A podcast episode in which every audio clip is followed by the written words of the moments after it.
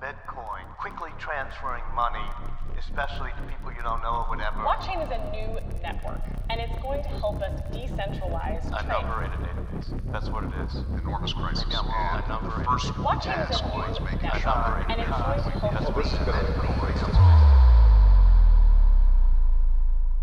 Du lytter til Kryptopia, en podcast om kryptovaluta.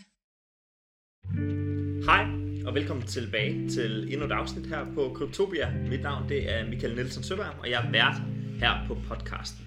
Jeg vil gerne starte med at beklage den dårlige lyd. Mit lydkort stod desværre af, lige inden jeg skulle til at optage her.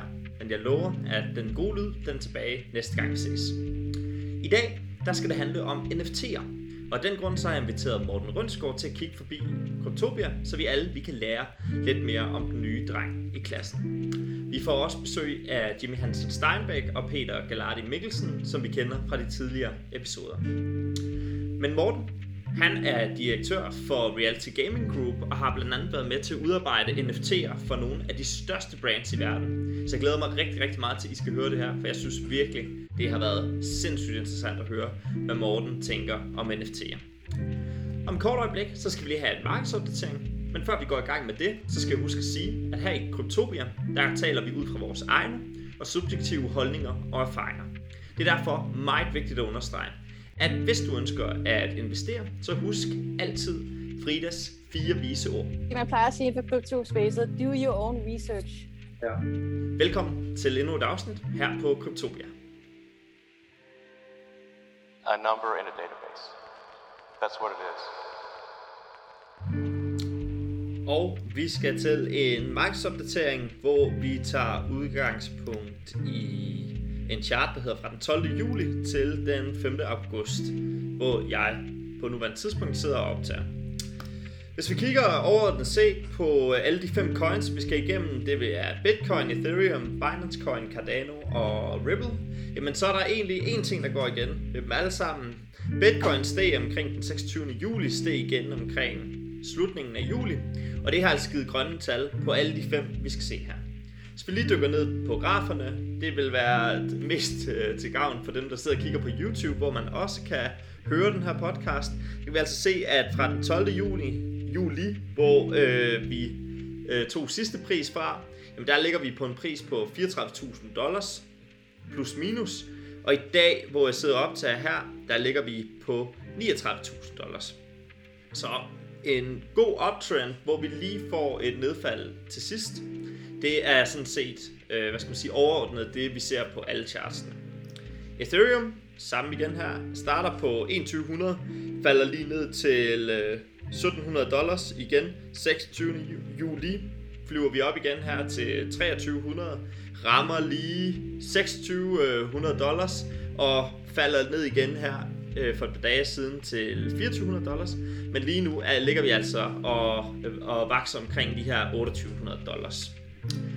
Binance Coin har også haft en, øh, en okay måned. Den er mere eller mindre, hvor den, øh, den sluttede sidst.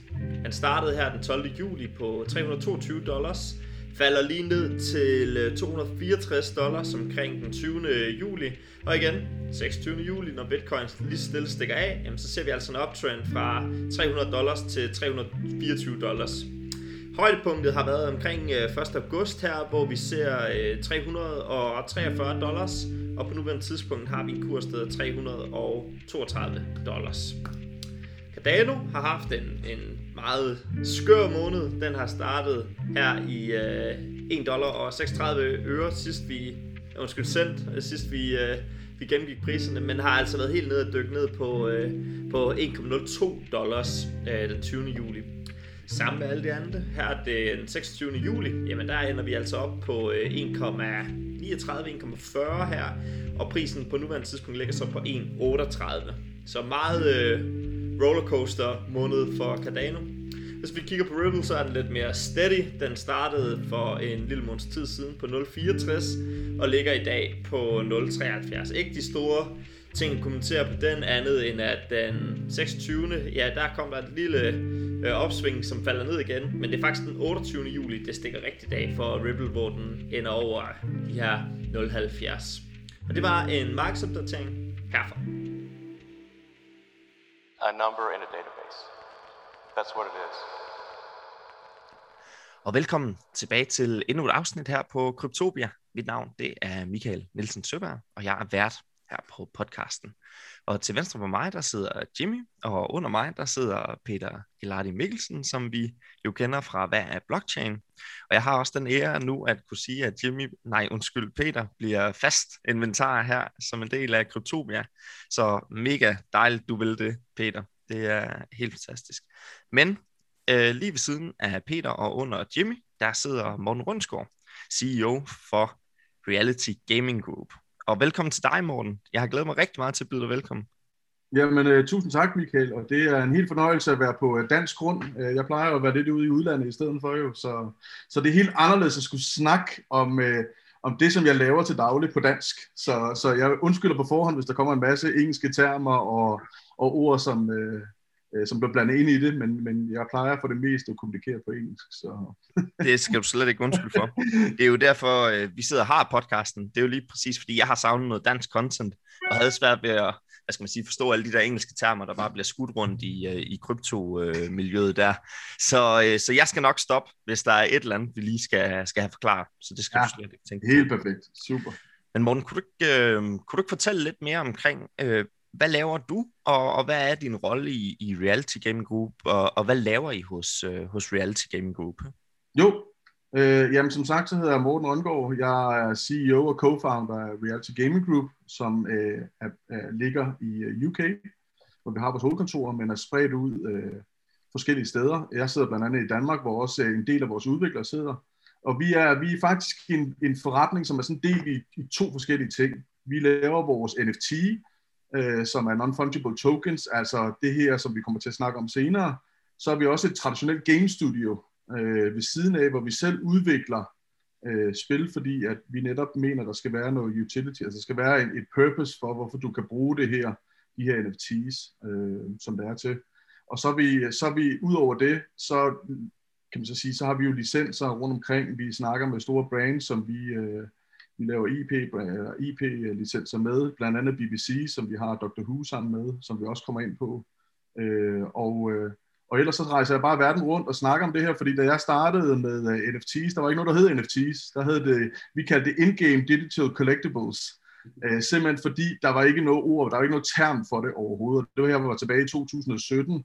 Uh, vi var pionerende, og når man blev ved med at snakke om, om uh, blockchain og de her 1-2%, der kender til blockchain og krypto, Øh, det er sådan, jeg har det inden for blockchain-miljøet på de 2%, nøjagtigt det samme, fordi der er ikke særlig mange, selvom dem, der har været med fra starten af i blockchain, faktisk ikke ved, hvad NFTs er, fordi det har blomstret så hurtigt, som det har. Øh, men det var en chance, vi tog øh, i 2017 på vores vision for firmaet, som er, at vi mener, at, at gamere, som vi har fokuseret på, skal have 100% ejerskab over deres, deres, deres assets, som de køber i spillet. Og det er simpelthen det, der startede hele ideen med det. Det er jo for vanvittigt. Det, prøv at tænke at sidde her med en pioner i, uh, i Kryptopia. Hvor er det da fantastisk. Der er på NFTs, vil jeg sige. NFT. ja, kan jeg ikke, øh, der kan jeg ikke, der ved jeg i hvert fald, at Jimmy, han, øh, han overgår, for det var faktisk Jimmy, der fik mig ind i, i det her, så det var, øh, så det er helt dejligt at, at se ham igen, øh, selvom det er han regelmæssigt, men det er ikke på grund af corona, men, øh, ja. men, men jo, øh, så, så på den måde, så er det øh, inden for NFTs, det var der, hvor jeg kunne se, at der var noget, og netop det der med, med ejerskab for, øh, og sikker trading, og det er det, jeg kunne se, at blockchain-teknologien kunne bruges til. Men da vi startede, Jimmy og jeg, der var ikke noget, der hed Ethereum, noget som helst andet. Det var udelukkende Bitcoin, og det var det, som det var. Øh, og der, der forstod jeg faktisk ikke så meget om teknologien på det tidspunkt. Det var faktisk et par år senere, hvor jeg dykkede ned i at sige, okay, øh, det her det kan noget, øh, hvor, hvor jeg virkelig fandt interesse for det, og så kunne se, og så på den måde udvikle selvfølgelig firmaet, som er grundlagt i dag øh, på det. Ikke? Så jo. ja, tingene har gået stærkt, og fire år kan virke som, så meget kort tid, men i den her branche her, så, øh, så, er det, så er det lang tid, for det går virkelig, virkelig stærkt. Ja, er det korrekt forstået? I har ikke kun øh, kontorer i UK, I har også et her i København, er det korrekt? Nej, jamen det er nej, ikke rigtig i København. Mine fleste udviklere sidder rundt omkring. Jeg har en del udviklere, der sidder i Aarhus, jeg har en del udviklere, der sidder i København, men, men vi er i gang med at sætte game studio op, øh, faktisk i Slagelse, øh, hvor jeg bor. Øh, okay. Øh, simpelthen fordi, at København er for dyr, hvis du spørger mig. Ja. Jeg kan få mange flere kvadratmeter, jeg kan stue mange flere udviklere ind i, og mange, øh, mange udviklere har heller ikke noget imod, fordi vi jo vi har fra starten af været det, som, som folk har fundet ud af under corona, det er jo det der med, at vi mødes kun en-to gange om ugen øh, fysisk, som det er, fordi resten af tiden skal mine udviklere have den frihed til at kunne få deres dagligdag til at fungere. Hvis de har lyst til at kode 48 timer i træk, så skal de ikke af, øh, lige pludselig afbryde hele deres, øh, deres, deres øh, arbejde ved at komme ind på et kontor, og du ved, her skal du arbejde fra 8 til 4. Øh, sådan arbejder jeg overhovedet slet ikke. Hvis de har jo lyst til at arbejde fra klokken 3 om øh, morgenen, og så gå, øh, gå hjem klokken 9 om øh, formiddagen, så er det det, de gør. Fedt. Det, øh, det lyder som en god ledelsesstrategi. I hvert fald meget Morten-. Ja, men Morten, øh, lad os lige få, øh, få, få vendt det her NFT. Ja. Øh, vi skal ha- simpelthen have en grundlæggende forståelse for NFT til at starte med. Og jeg kan, kan starte med at sige, hvad jeg ved. Øh, og det er meget lidt. Øh, men jeg har forstået, at øh, der er noget, der hedder non-fungible tokens, og så er der noget, der hedder fungible tokens. Ja. Og sådan som jeg har forstået det, så er det lidt ligesom at sammenligne en pose ris, der konstant bliver produceret øh, i massive mængder, som vil være de her fungible tokens, hvis det var sådan, man dragede parallellen. Og så med Mona Lisa, som ligesom er den her non-fungible token, den er der ligesom kun en af. Er det korrekt forstået, at det er sådan non-fungible og fungible tokens Jo, kunne jo, defineres, kan man Det sige? kan man sagtens sige. Jeg plejer faktisk at bruge et lidt andet eksempel. Jeg plejer at sige, at du har en 100 kroner, og jeg har en 100 kroner. De har samme værdi, og vi bytter dem. Altså, der er ikke nogen forskel overhovedet på dem. Det vil jeg kalde en fungible token. En non-fungible token kan både være, hvor der kun er én, altså der eksisterer øh, af dem, som du selv siger med Mona Lisa, men det kunne også godt være en flybillet. En flybillet ligner jo bund og grund hinanden, men der er Mm. forskel på, hvor skal du hen, øh, hvem er det, der, der står på af navn, hvad er det for et flysæde, du skal sidde på, og de forskellige ting. Og det vil jeg vil sige er non-fungible token, for der kan sagtens være flere øh, øh, man så sige, øh, antal af den samme øh, token, som det er. Det vil sige, der godt kunne være 10 svær, eller der kan være 10 øh, Dr. Who-cards, øh, som vi kommer igennem, øh, som det er. Og, og, og i bund og grund ligner hinanden, men de er alle sammen forskellige, fordi at de netop har forskellige serienummer, de har forskellige øh, altså data fra blockchain af, som det er. Også når, når brugerne spiller dem, så vil de jo spille dem forskelligt. Det kan, de kan indgå i et forskelligt dæk eller et eller andet. Og på den måde, så tager vi den metadata, der bliver genereret for spillet af, og sætter dem ind på hver enkelt NFT. Det vil så sige, at hver enkelt NFT ligner hinanden, men har faktisk forskellige metadata. Mm. Det er en meget simpel måde at tage en 100 kroner og sige, det her det er fungible tokens, og en flybillet kunne være non-fungible tokens, for det kan folk sådan relatere til at sige, ja, når jeg, men hvis vi to får byttet vores billet ude i, øh, i lufthavnen helt tilfældigt, øh, som det er, jamen så kan du ikke komme afsted, for det er ikke det navn, der står på. Øh, en 100 kroner, som du går hen og betaler i baren, det er fuldstændig lige meget. Ja. Det kan du altid få en øl for, hvis det er det. Ja, præcis. Og øh, nu kommer jeg til at stille dig et spørgsmål øh, om, øh, om blockchain i forhold til det her til dig.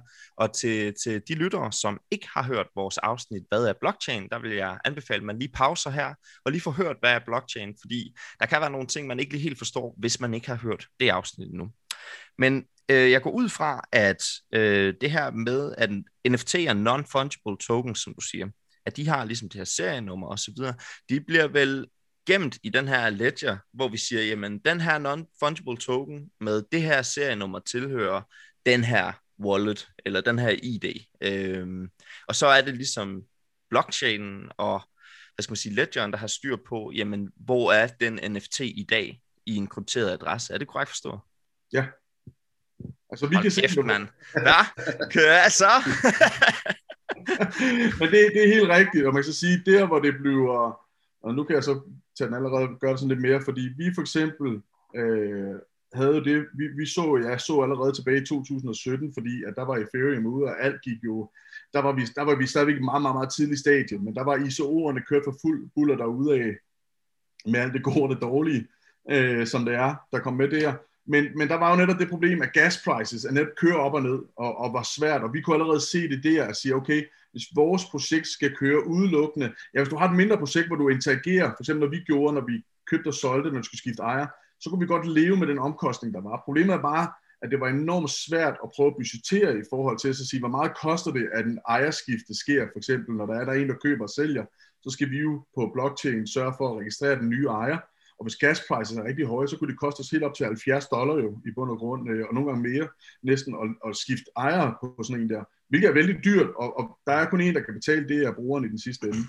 Øh, selvom vi selvfølgelig lagde ud, men så må vi jo tage noget mere i vores procenter. Så vi, vi i 2017 kunne jeg se, der var to ting. Der var gas prices, Og så var der hele det miljømæssige. Og det var faktisk derfor i 2017, jeg allerede tog beslutning om, at vi skal arbejde på vores egen chain.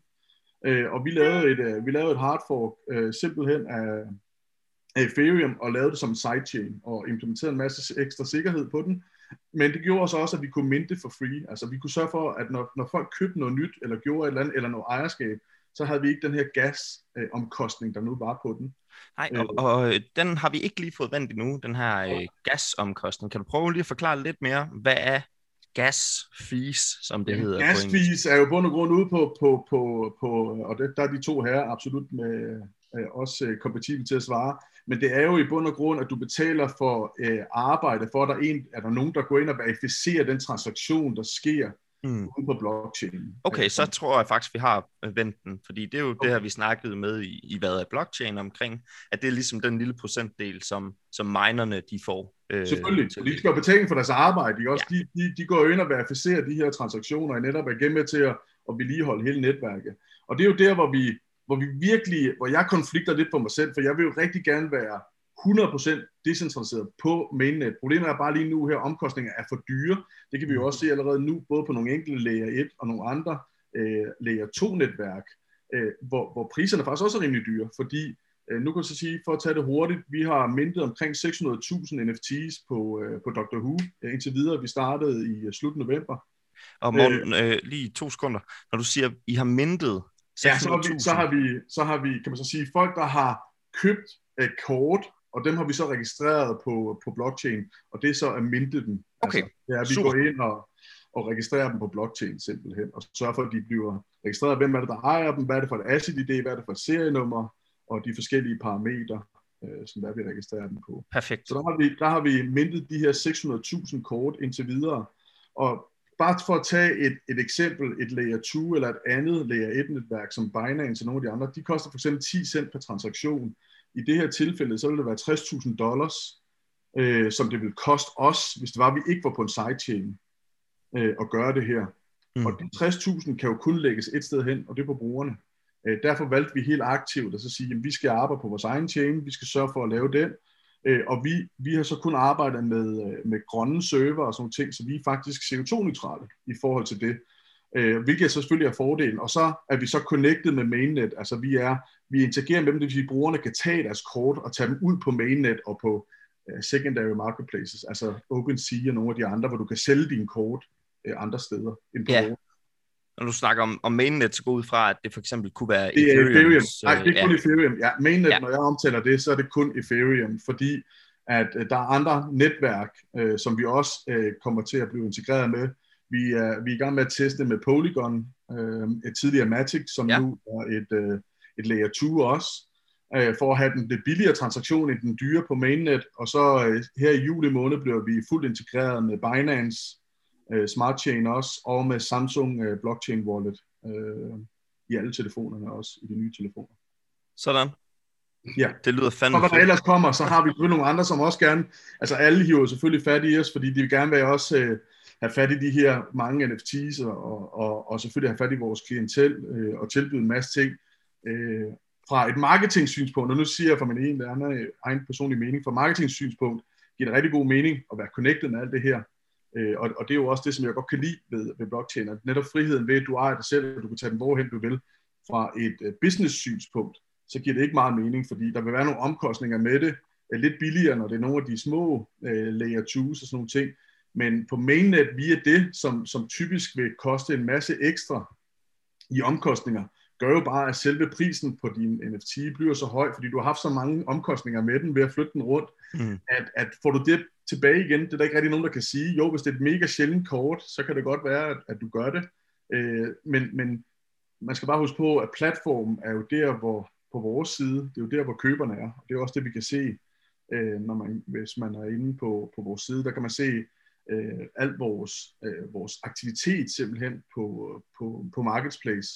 Øh, og lige nu her, der har vi, den øh, lang, lancerede vi for halvanden måned siden, næsten to måneder siden, og vi har omsat for, der blev traded for lidt over 400.000 dollars, og, og over næsten 23.000 asset, assets er blevet traded ind på vores egen platform. Og det er jo, beviser bare, det er der, hvor køberne er. Så, ja. Men jeg kan godt forstå det fra et marketing-synspunkt, at fedt, kom ud, spred ud, folk kan se det, og det ene og andet. Sådan. Mm. Så, ja. Øh, Karina Rothoff Brix, øh, CEO for DTU, var ude i børsen med en øh, artikel her sidst, hvor hun faktisk også anbefalede firmaer at gribe den her chance med, med NFT'er, fordi at det var en rigtig, rigtig billig måde at nå rigtig meget eksponering i et vækstmarked. Øh, vi var faktisk rigtig, rigtig tæt på at lukke en, øh, et interview med hende, som vi kunne have taget. Øh, vi skulle faktisk have haft det i dag. Det var derfor, Ej, det vi kom ind ja. som øh, stand-in her. Ja. Men øh, desværre så, øh, så blev hun lige booket i, i mellemtiden. Men det var bare lige for at give sådan en lille easter egg til, øh, til lytterne, at øh, det skulle vi gerne have, have lagt ind på et tidspunkt.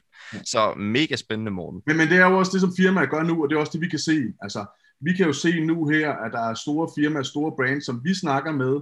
Øh, Hvad kan vi gøre? De NFT's, vi kan se, det er et nyt marked, det er en ny måde at komme i interaktion med sine fans på. Øh, og, og, og vi snakker også med nogle interessante, blandt andet fodboldklubber, omkring, Mm. hvordan kan du faktisk bruge NFT's, både som en hel økonomi. Øh, vi snakker også med, øh, øh, vi er faktisk med blandt de sidste finalister omkring øh, med NHL. Øh, Okay. omkring at få hele licensen på NHL øh, med alle deres spillere, øh, hvor vi kom op med et forslag til, hvordan kunne man sørge for at lave, så der både er et spil, men også det der med, hvordan kan økonomien drive hele vejen ned igennem, hvad vi kalder i Foreningsdanmark herhjemme, altså klubberne, dem der leverer talenterne op til, øh, pensionerede spillere og sådan nogle ting, kan rent faktisk også få et, en lille kommission, når deres kort bliver solgt øh, og Mm. forskellige ting. Øh, og, og det vi ser nu her, det er jo netop de der store siger, det her, det, det, vi har lige pludselig et gammelt, øh, vi har måske nogle, nogle fysiske ting, vi har nogle brands, hvor vi lige pludselig kan, kan sørge for at frigive det der, det der digitale potentiale, der rent faktisk er. Og det er jo det, som vi ser her nu, og det er også derfor, vi har, vi har rigtig mange snakke med store firmaer omkring det, fordi det er, det er et marked, som vi nu, nu kun krasser i overfladen. Morten, sådan, øh, lige sådan opsummerende, inden vi, vi lige sender bolden øh, rundt til de to andre her, vi sidder med Ja. her. Øh, jeg sidder og tænker på, da jeg var knægt øh, og gik i folkeskole og så videre, øh, først, så, da jeg var meget, meget lille, så kan jeg huske, at jeg tradede de her øh, diddelpapirer med mine øh, venner og veninder og så videre. Så blev vi lidt ældre, så blev det de her øh, dojos, eller go, jojos, eller hvad det hed, sådan nogle små øh, figurer, vi kunne skyde med. Så blev det Pokémon-kort, så blev det Yu-Gi-Oh! kort, øh, så, så tror jeg, at, at min, min kort og min, min børnesamling, øh, der er ligesom be- begyndt at, at, at, at, at ikke, altså, jeg ikke har så meget interesse i det længere. Men er det korrekt forstået, at på en eller anden måde, så er det jo en digitalisering af det, jeg har oplevet som barn, vi bare oplever lige nu. Fordi det er jo en til en kort, vi, vi trader med. Det bliver bare digitalt lige pludselig det bliver, det bliver digitalt lige pludselig også det der med, så, så gør det også det, at du får adgang lige pludselig til hele verden. Det havde det jo ikke, i hvert fald da jeg, da jeg var barn. Jeg har jo også selv siddet med bilkort og med, Præcis. med du ved, en super fed uh, Audi uh, tilbage i 80'erne et eller andet sted, ikke også? Og en 4 den kunne køre så så meget. Yes. Og nu skal jeg lige bytte med den her. Øh, Så det er jo præcis det samme, men, men det der bare gør her, nu har du bare hele verden og kan arbejde med. Mm. Mm. Og jeg synes jo netop det der med, at en af de kæmpe fordele er, altså der er flere fordele. For det første så er der den miljømæssige øh, i forhold til at printe øh, kort og sådan nogle ting. Det kan man så er. Og så ved jeg godt, at jeg har en sådan en hel diskussion. Jeg vil også gerne have noget fysisk i min hånd. Det er også derfor, vi ser mange af dem, som, øh, mange af de firmaer, som kommer ud her nu, kan jo ikke kun overgå det hele til digitalt, og det skal det heller ikke overhovedet. Vi har blandt andet et af vores, øh, en af dem, vi har inde, vores kunder, der bliver vi en af de første i verden, der kommer til at lave en fysisk produkt, hvor du unlocker en digital øh, version også, øh, Okay. okay. der hedder Smities, øh, hvor vi arbejder med et japansk firma. Øh, og så, så der er jo nogen, hvor vi kombinerer begge tingene, som det er. Og det er også noget af det, vi blandt andet gjorde med Floyd Mayweather, da vi fik hans stil. Det var det der med, hvordan kunne du blande nogle fysiske ting med nogle digitale ting, når det er. Når du køber den her, får du også den fysiske, eller kan, kan få lov til at få det her. Vi ser det også med, øh, med Gucci for eksempel, øh, som har lavet nogle specielle sko, øh, hvor der kun er otte par af, og så kan du unlock dem til at kan bruge dem i metaverses, hvor du kan gå rundt ind og sige, at der er kun otte af dem her i hele verden, mm. øh, og du købe den her værdi, eller købe den her. Og jeg tror, der er rigtig mange brands, som, som arbejder med de her digitale NFT's nu, fordi at du kan lige så godt få den digitale udgave af det også, og den digitale version af det, fordi det kan du jo så bruge øh, og bare sælge som bare ekstra. Det vil sige, firmaerne giver det måske bare med som ekstra, øh, hvor du så kan Ja. sige, nu har jeg lige fået, det er min rabat, i stedet for at få øh, rabatten i butikken, jamen så får jeg en rabat, så jeg måske kan unlock dem her, øh, og, og kan sælge den til en eller anden derinde, som bare synes, de er mega fede. Ja, og Morten, øh, ja, undskyld øh, de her. Jeg har lige et sidste spørgsmål. øh, kan jeg godt mærke, fordi øh, der, der er noget, jeg lige lynhurtigt skal, skal forstå, som jeg faktisk har tænkt over i længere tid, og det er, hvad der ligesom giver en NFT-værdi. Nu, nu laver jeg lige et eksempel. Ja. Lad os nu sige, at Christian Eriksen var en NFT, og jeg havde et NFT-kort. Og det skal slet ikke lyde som om, at jeg øh, øh, siger noget som helst om det, der sker i parken, men alligevel så gør jeg lidt, fordi at Christian Eriksen fik en ekstrem eksponering, og jeg håber virkelig, at han har det godt, og det er slet ikke sådan, det skal forstås.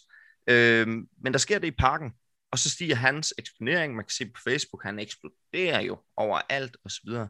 Kunne man forestille sig, at hvis jeg havde købt en Christian Eriksen NFT for øh, et år siden, og så havde den i dag, at så var den steget i værdi, fordi at efterspørgselen på den NFT stiger.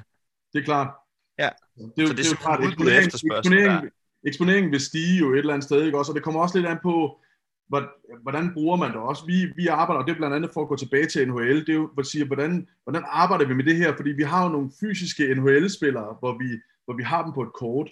Mm. Og en ting er, at vi laver et spil med dem, men vi, jeg, jeg vil så sige, vi lavede sådan lidt specielt en, hvor jeg godt kunne tænke mig at sige, kan vi rent faktisk ændre deres adfærd, fordi ishockeyspillere er kendt for, at måske godt kan lide at slås lidt, øh, som der er på banen. Og jeg kunne godt tænke mig at se, hvis de bliver bevidste omkring din NFT, og de får adfærdspoint, og det faktisk kan både give negativ og positiv retning, vil, vil det ændre deres adfærd? Vil, vil de skrive flere autografer, fordi de så ved et eller andet sted, det kan vi tracke, fordi bruger vi så hashtag på den her spiller, kan vi tracke på sociale medier, og kan sige, "Nå, men nu har han været ude her, det ene og andet og sådan ting. Det giver nogle, de giver nogle adfærdspoint, som vi så tilfører hans NFT, som gør måske, at han stiger og bliver mere populær, og han kommer op på nogle, vi kan lave nogle leaderboards og forskellige ting. Det var jo et, et, et eksperiment, som jeg synes, der var vanvittigt interessant et eller andet sted øh, med NHL'er, som de også selv synes. Selvom jeg godt mærker, det giver lidt imod mig at gå imod, øh, du ved, et af det fundamentale, at, at ishockeyspillere skal have lov til at lige slå på tæven en gang imellem. Men jeg synes jo stadig, det var vanvittigt interessant at se, over for fansene, kunne vi så ændre noget der et eller andet sted. Øh, og igen gav det så mere eksponering. Som, som mit svar vil 100% være, ja, det ville det. Og du vil jo også kunne tilføre nogle forskellige uh, moments til, som vi ser blandt andet med NBA Top Shot, uh, at sige, jamen det kunne være video moments. Nu måske ikke lige der, hvor han falder om, uh, tænker jeg ikke. Nej, nej. Men, men i hvert fald nogle andre ting. Og det er jo også der, hvor du, lad os nu sige, der eksisterer 100 kort af, af Christian Eriksen, men du har valgt at tilføje for eksempel tre specielle moments, som du synes er de fedeste af dem der. Det gør jo også, at de bliver forskellige, de 100 ja. kort, selvom de har samme kan man så sige, basisoplysninger på ham. Øh, Det er jo ikke, fordi Christian Eriksen ændrer sig på de 100 der, men det ændrer sig i forhold til, hvad er det for nogle, nogle ting, der kommer på den et eller andet sted. Og, og selvfølgelig, hvor meget er der at, at hele den supply, der er til rådighed. Havde der været 100.000, så, skulle du, så er det måske nok været lidt sværere for dig at, øh, at sælge den. Den vil helt klart være sted i værdi, men måske ikke lige så meget, som hvis det er, at der kun har været 10 af dem, eller hvad der nu vil være. Nej. Det giver god mening. Ja. Nu skal vi... Øh, skal Må hellere de andre de to her. andre på banen, ja. Ja, lige præcis. øhm, jeg tror lige, jeg starter med at smide over til Jimmy i dag. Øhm, fordi at du sidder med et maleri i, øh, i baggrunden her, som er rigtig, rigtig flot. Men kunne du ikke lige fortælle øh, lidt om det øh, maleri, og om hvorfor i alverden det ikke er en NFT, du, du har? Ja, jamen det, er jo, det er jo et godt spørgsmål. Det er jo også det, jeg ligesom har, øh, har tænkt, at det ville være oplagt, eftersom at det er jo et, øh, et maleri med en, øh, en bitcoin øh, afbildet på øh, af den kære Hurtslet. Øh, og det ville jo være super oplagt. Jeg mener, der er lavet 100 eksemplarer af den. Øh, og, og hvis man nu kunne lægge den med øh, ind og lave en NFT på den her, øh, så kan man sige, at det ændrer ikke rigtigt på det fysiske billede, eller det fysiske maleri, eller kunsten i, i sig selv. Øh, men man vil bare lige pludselig kunne tilføje den her øh, værdi, som det jo et eller andet sted også øh, repræsenterer i selve, selve maleriet, ved at det er en bitcoin, man ligesom har valgt. Øh, så, så det vil give, give, give super meget øh, mening og ligesom har gjort det.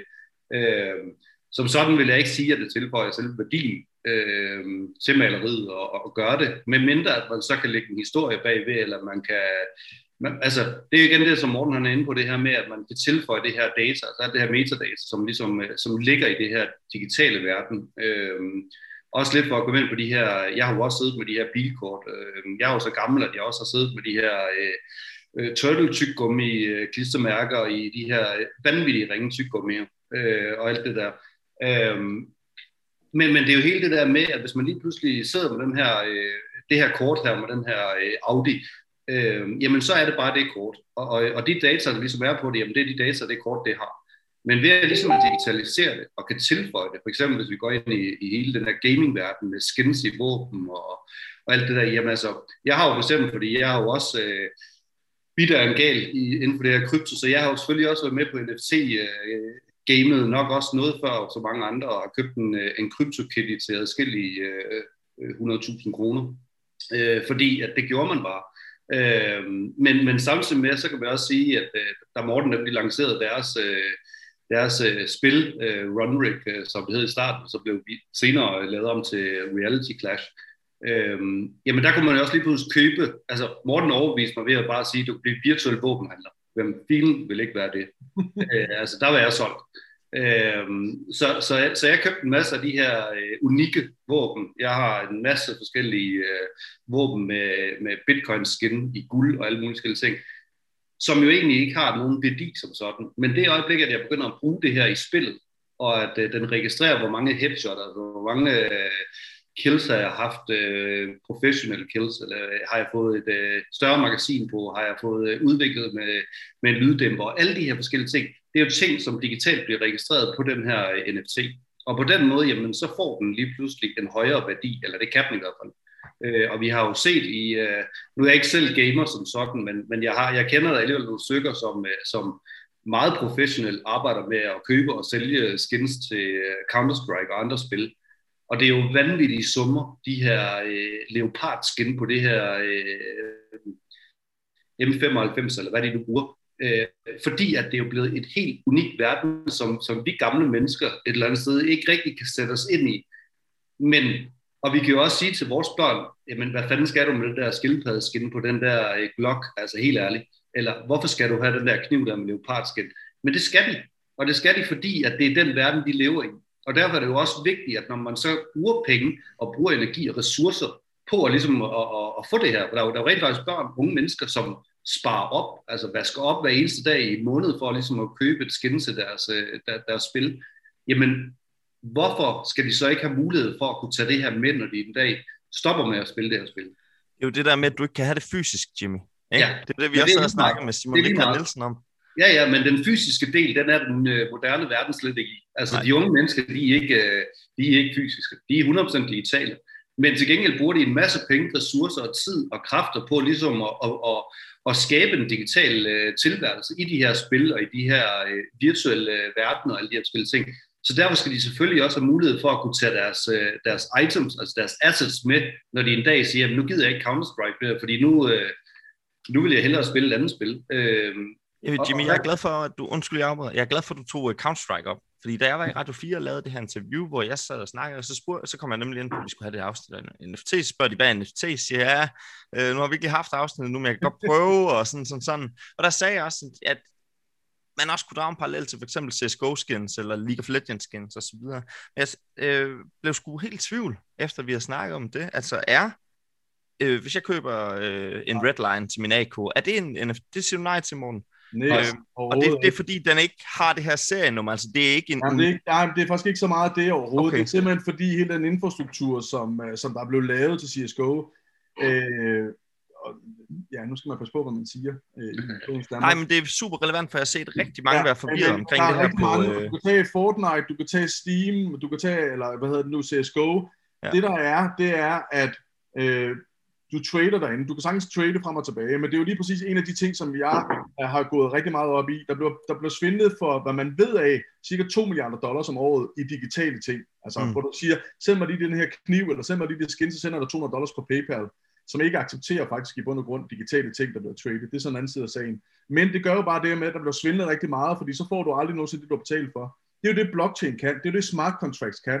Mm. Derfor gik jeg faktisk rimelig tidligt uh, til de forskellige af de store, Activision og nogle af dem der sige, prøv at høre, det vil hvad vi kan, det har vi bevist med reality class, I kan have sikker trading, I kan have det ene og andet.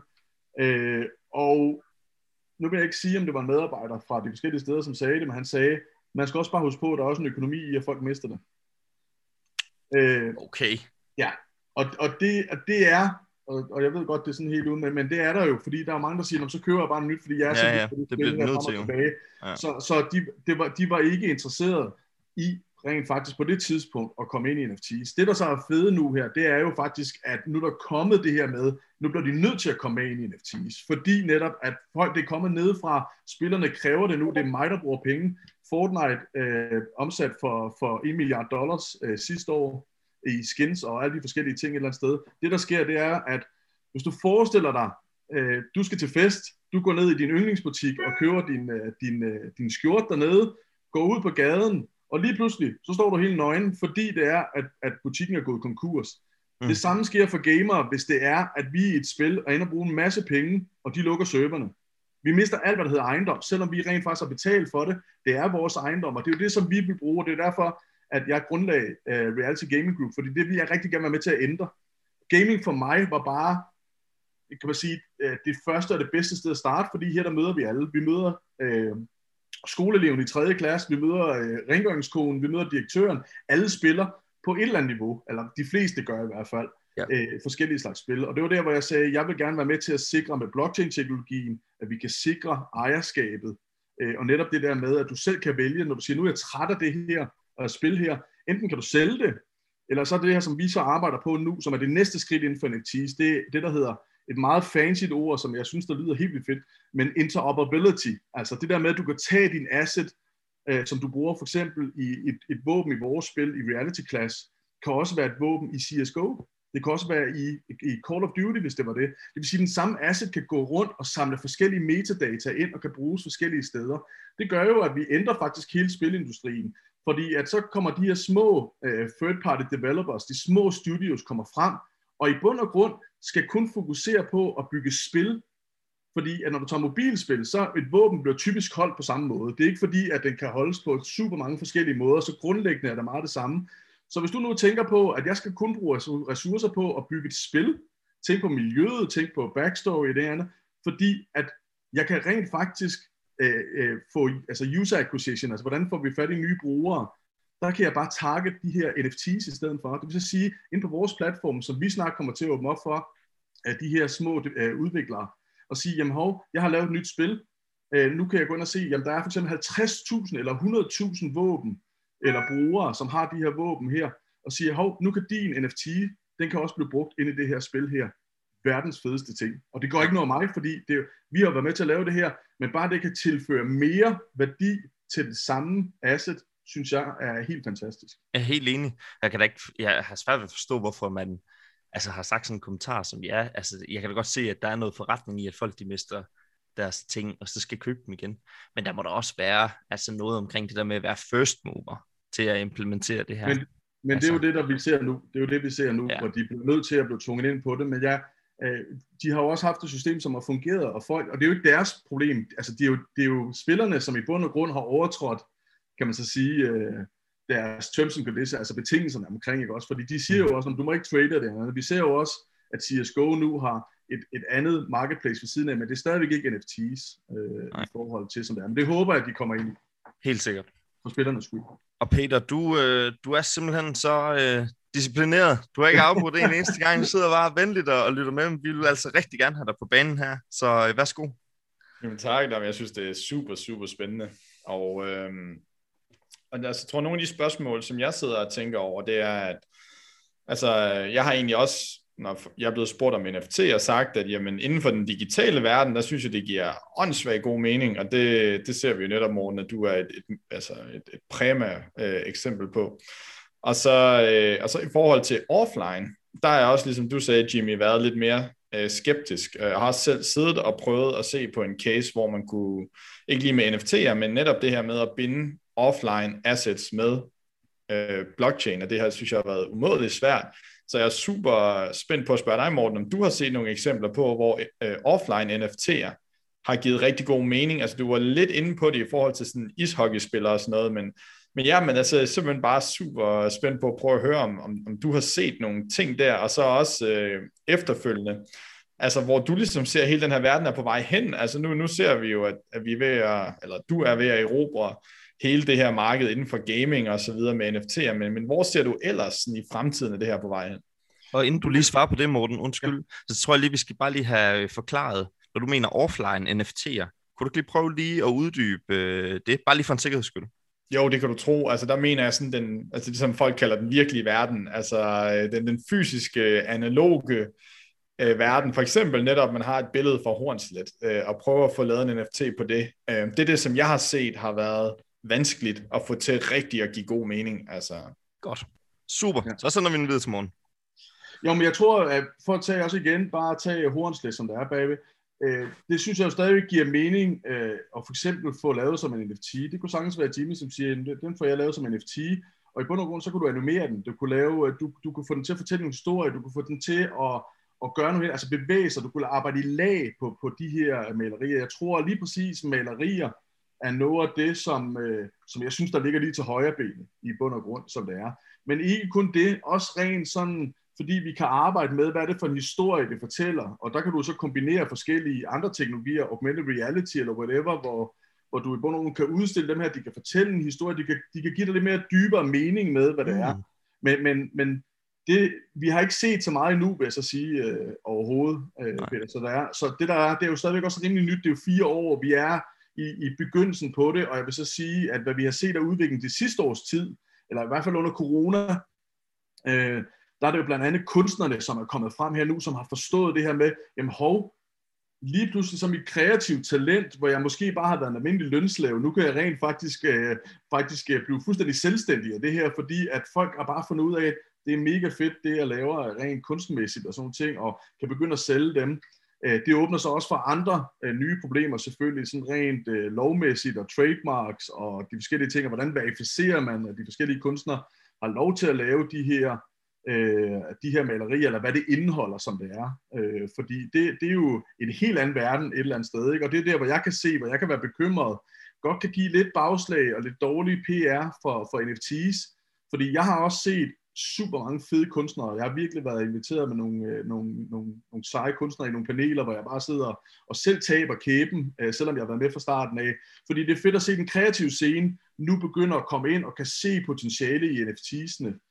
Øh, men, men, men mit største problem, det er helt klart, kan man sige, hvordan sikrer vi øh, de forskellige, øh, hvordan sikrer vi, at det her, det ikke kun er mindet, eller det er mindet kun på én øh, netværk et eller andet sted. Hvis man siger, at der kun er en, som vi så med det, der blev solgt øh, Bibli for 69 millioner dollars, øh, det kom jo frem, at det også har været mintet på andre, og det ene og andet. Hvordan, hvordan sikrer man rent faktisk, at det her, der er kun det ene, øh, Banksy, øh, synes jeg er et rigtig godt øh, eksempel på noget, hvor man faktisk tog, gik all in det var et fysisk Banksy, øh, man, man havde købt, og så auktionerede man det væk og siger, jamen når det her aktion er slut, så brænder vi det her, og så eksisterer det kun som en digital værdi.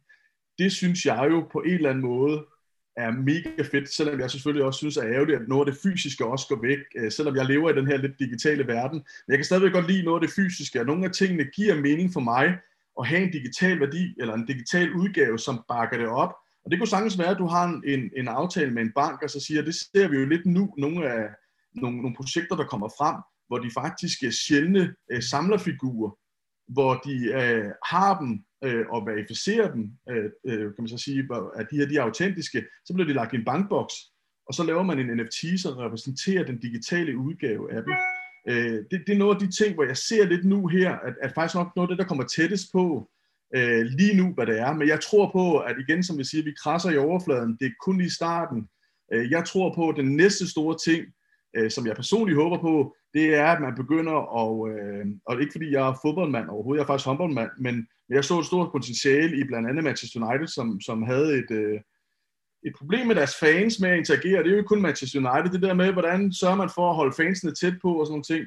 Jeg tror på, at den næste type NFT er, hvor vi øh, vi rent faktisk gør, hvor vi, vi tokeniser mennesker. Og det kunne sagtens være en ungdomsspiller på et akademi, hvor man siger, ham her har et kæmpe potentiale. Mm. Vi allokerer 10-15% af den her NFT til fansene, som kan købe op i ham her. Det vil sige, du bliver lige pludselig den der øh, agent eller trader, eller hvad skal man ja. så sige. Så når han bliver solgt videre, så fansene kan rent faktisk tjene penge på ham her. Real life FIFA. Real life FIFA et eller andet sted, ikke også? Øh, og, og, og, Helt nyt game.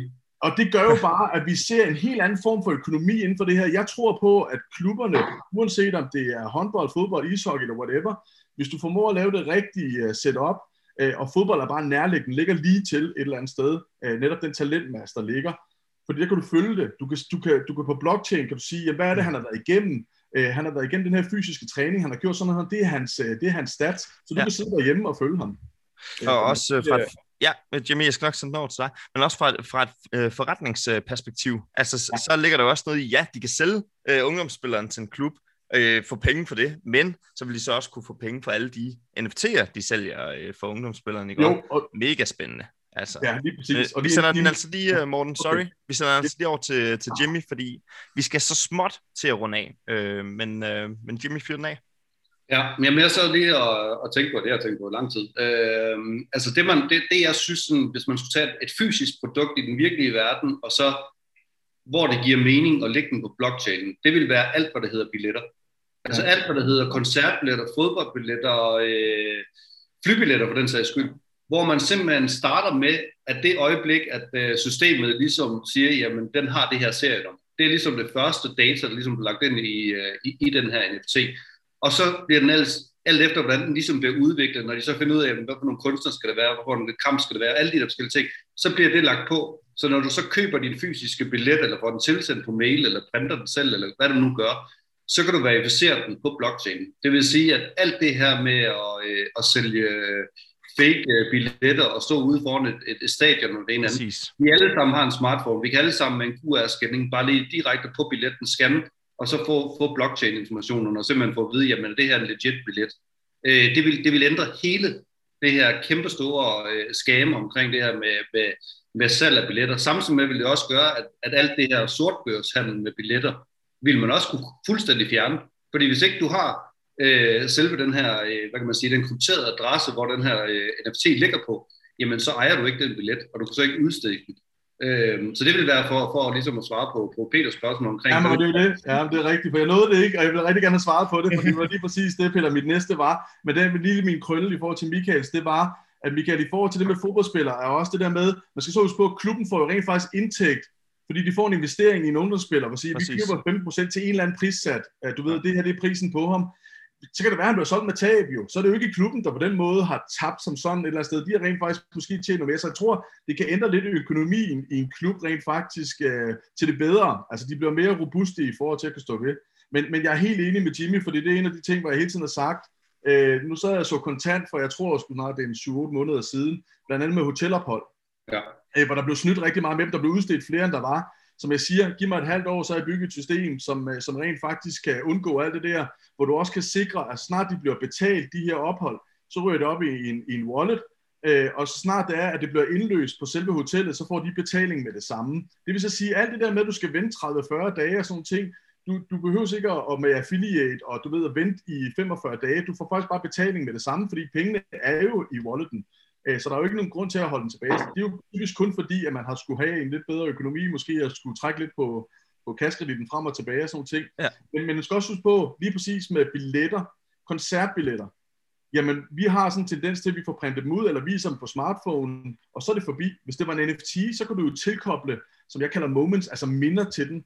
Det kunne være, at arrangøren, som, øh, som havde, ja, koncertarrangøren, du Ja. ved, to dage efter, uploader øh, til dem, der sidder i VIP'en, uploader ja. et billede, du ved, et minut før, at bandet gik på, på scenen, der har jeg lige taget et billede på dem ud bagved. Et minde, som der er ikke nogen som helst andre, der vil kunne Nej. få fingrene i, som bliver tilknyttet din NFT. Det kunne også være, du ved, alle dine koncerter og de forskellige ting. Så der, Ja. yeah. der er enormt mange muligheder, i stedet for at det bare at bruge og smide væk. Brug nu den samme, det er en multi-NFT med koncerter, hvor du kan koble dem på og have alle dine minder, som vi så kan visualisere selvfølgelig inde på, øh, på en computer.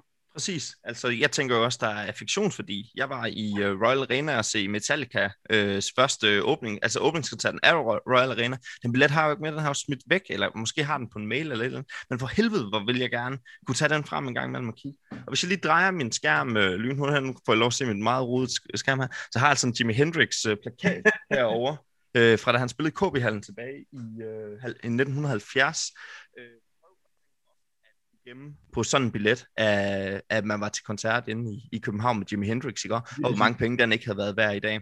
Ja, og du kan verificere det. Altså, du kan verificere, jeg var der, jeg er tjekket ind her, jeg var der der lige præcis et eller andet sted, ikke også? Øh, Jo. og mindet bagved, det var små, du ved, bare 10 sekunders optagelser, som blev sat ind på i forhold til, det tror jeg vil give noget, og det kunne i bund og grund også skabe ekstra fortjeneste, fordi hvem vil ikke sidde bagefter og måske købe 10 sekunders klip øh, og tilknytte sin NFT på den koncertbillet, fordi oh, kæft, det kan jeg godt huske, da ham blev han stage-divet, eller der gjorde et eller andet. Øh, det tror jeg, øh, også for koncertarrangører og de forskellige ting, og også bare kunstnere, vil kunne gøre noget helt andet, fordi du kan også fonde det på en ny måde. Altså folk kan allerede gå ind og købe hurtigere, og du kan igen gå ind og lave user acquisition, som jeg siger, lidt hurtigere, fordi nu ved man, hvad for en præference har du, hvem har været inde i det her, hvem har gjort det her, så, så, så, så målret det imod NFT'en i stedet for personen som sådan bagved, for det er ikke så meget det, men det er den, som har den NFT, som rent faktisk er interessant. Ja, jeg er sådan lidt blown away lige nu. Peter, du får lige afsluttende kommentar her. Jeg synes, hold da kæft. Ja, det er også en, øh, det er, det er en fed, fed øh, snak. Altså, jamen, jeg synes, det er nogle rigtig gode svar. Altså, mit, mit spørgsmål udsprang netop af, at jeg sad i 16 og lavede en case på falsk medicin, og netop prøvede at se på, hvordan kunne vi bruge blockchain til ligesom at, at solve det her problem. Og netop hvor vi faktisk kom frem til, at, at ja, det, det gør der en forskel, men fordi det netop er så komplekst, og, og faktisk gør det immunt over for, at man bare kopierer access point til kæden, ja. øh, jamen så, øh, så var det netop, at det blev sådan lidt, okay, er det så i virkeligheden en bedre løsning end, end nogle af de andre alternativer, der ikke er blockchain? Så det var egentlig det, mit, mit spørgsmål udsprang fra. Og der synes jeg jo så egentlig, at, øh, at i forhold til kunst, at du gav et sindssygt fedt svar, Morten, netop det her med, at jamen, det kan være, at, øh, at netop kunsten selv i offline-format faktisk løser det netop, at så gør man en stor scene ud af det, at at alle er, er ikke i tvivl om, ikke? At, at nu brænder vi en Banksy her. Altså, vi står mm. inde på Banksys eget øh, hvad hedder det, studie et eller andet sted, ikke? Og, og det samme med, med fodboldspillere. Man kan gå ind og sige, okay, det her, det er klubben, der udsteder det her, så der er ligesom ikke nogen tvivl om det.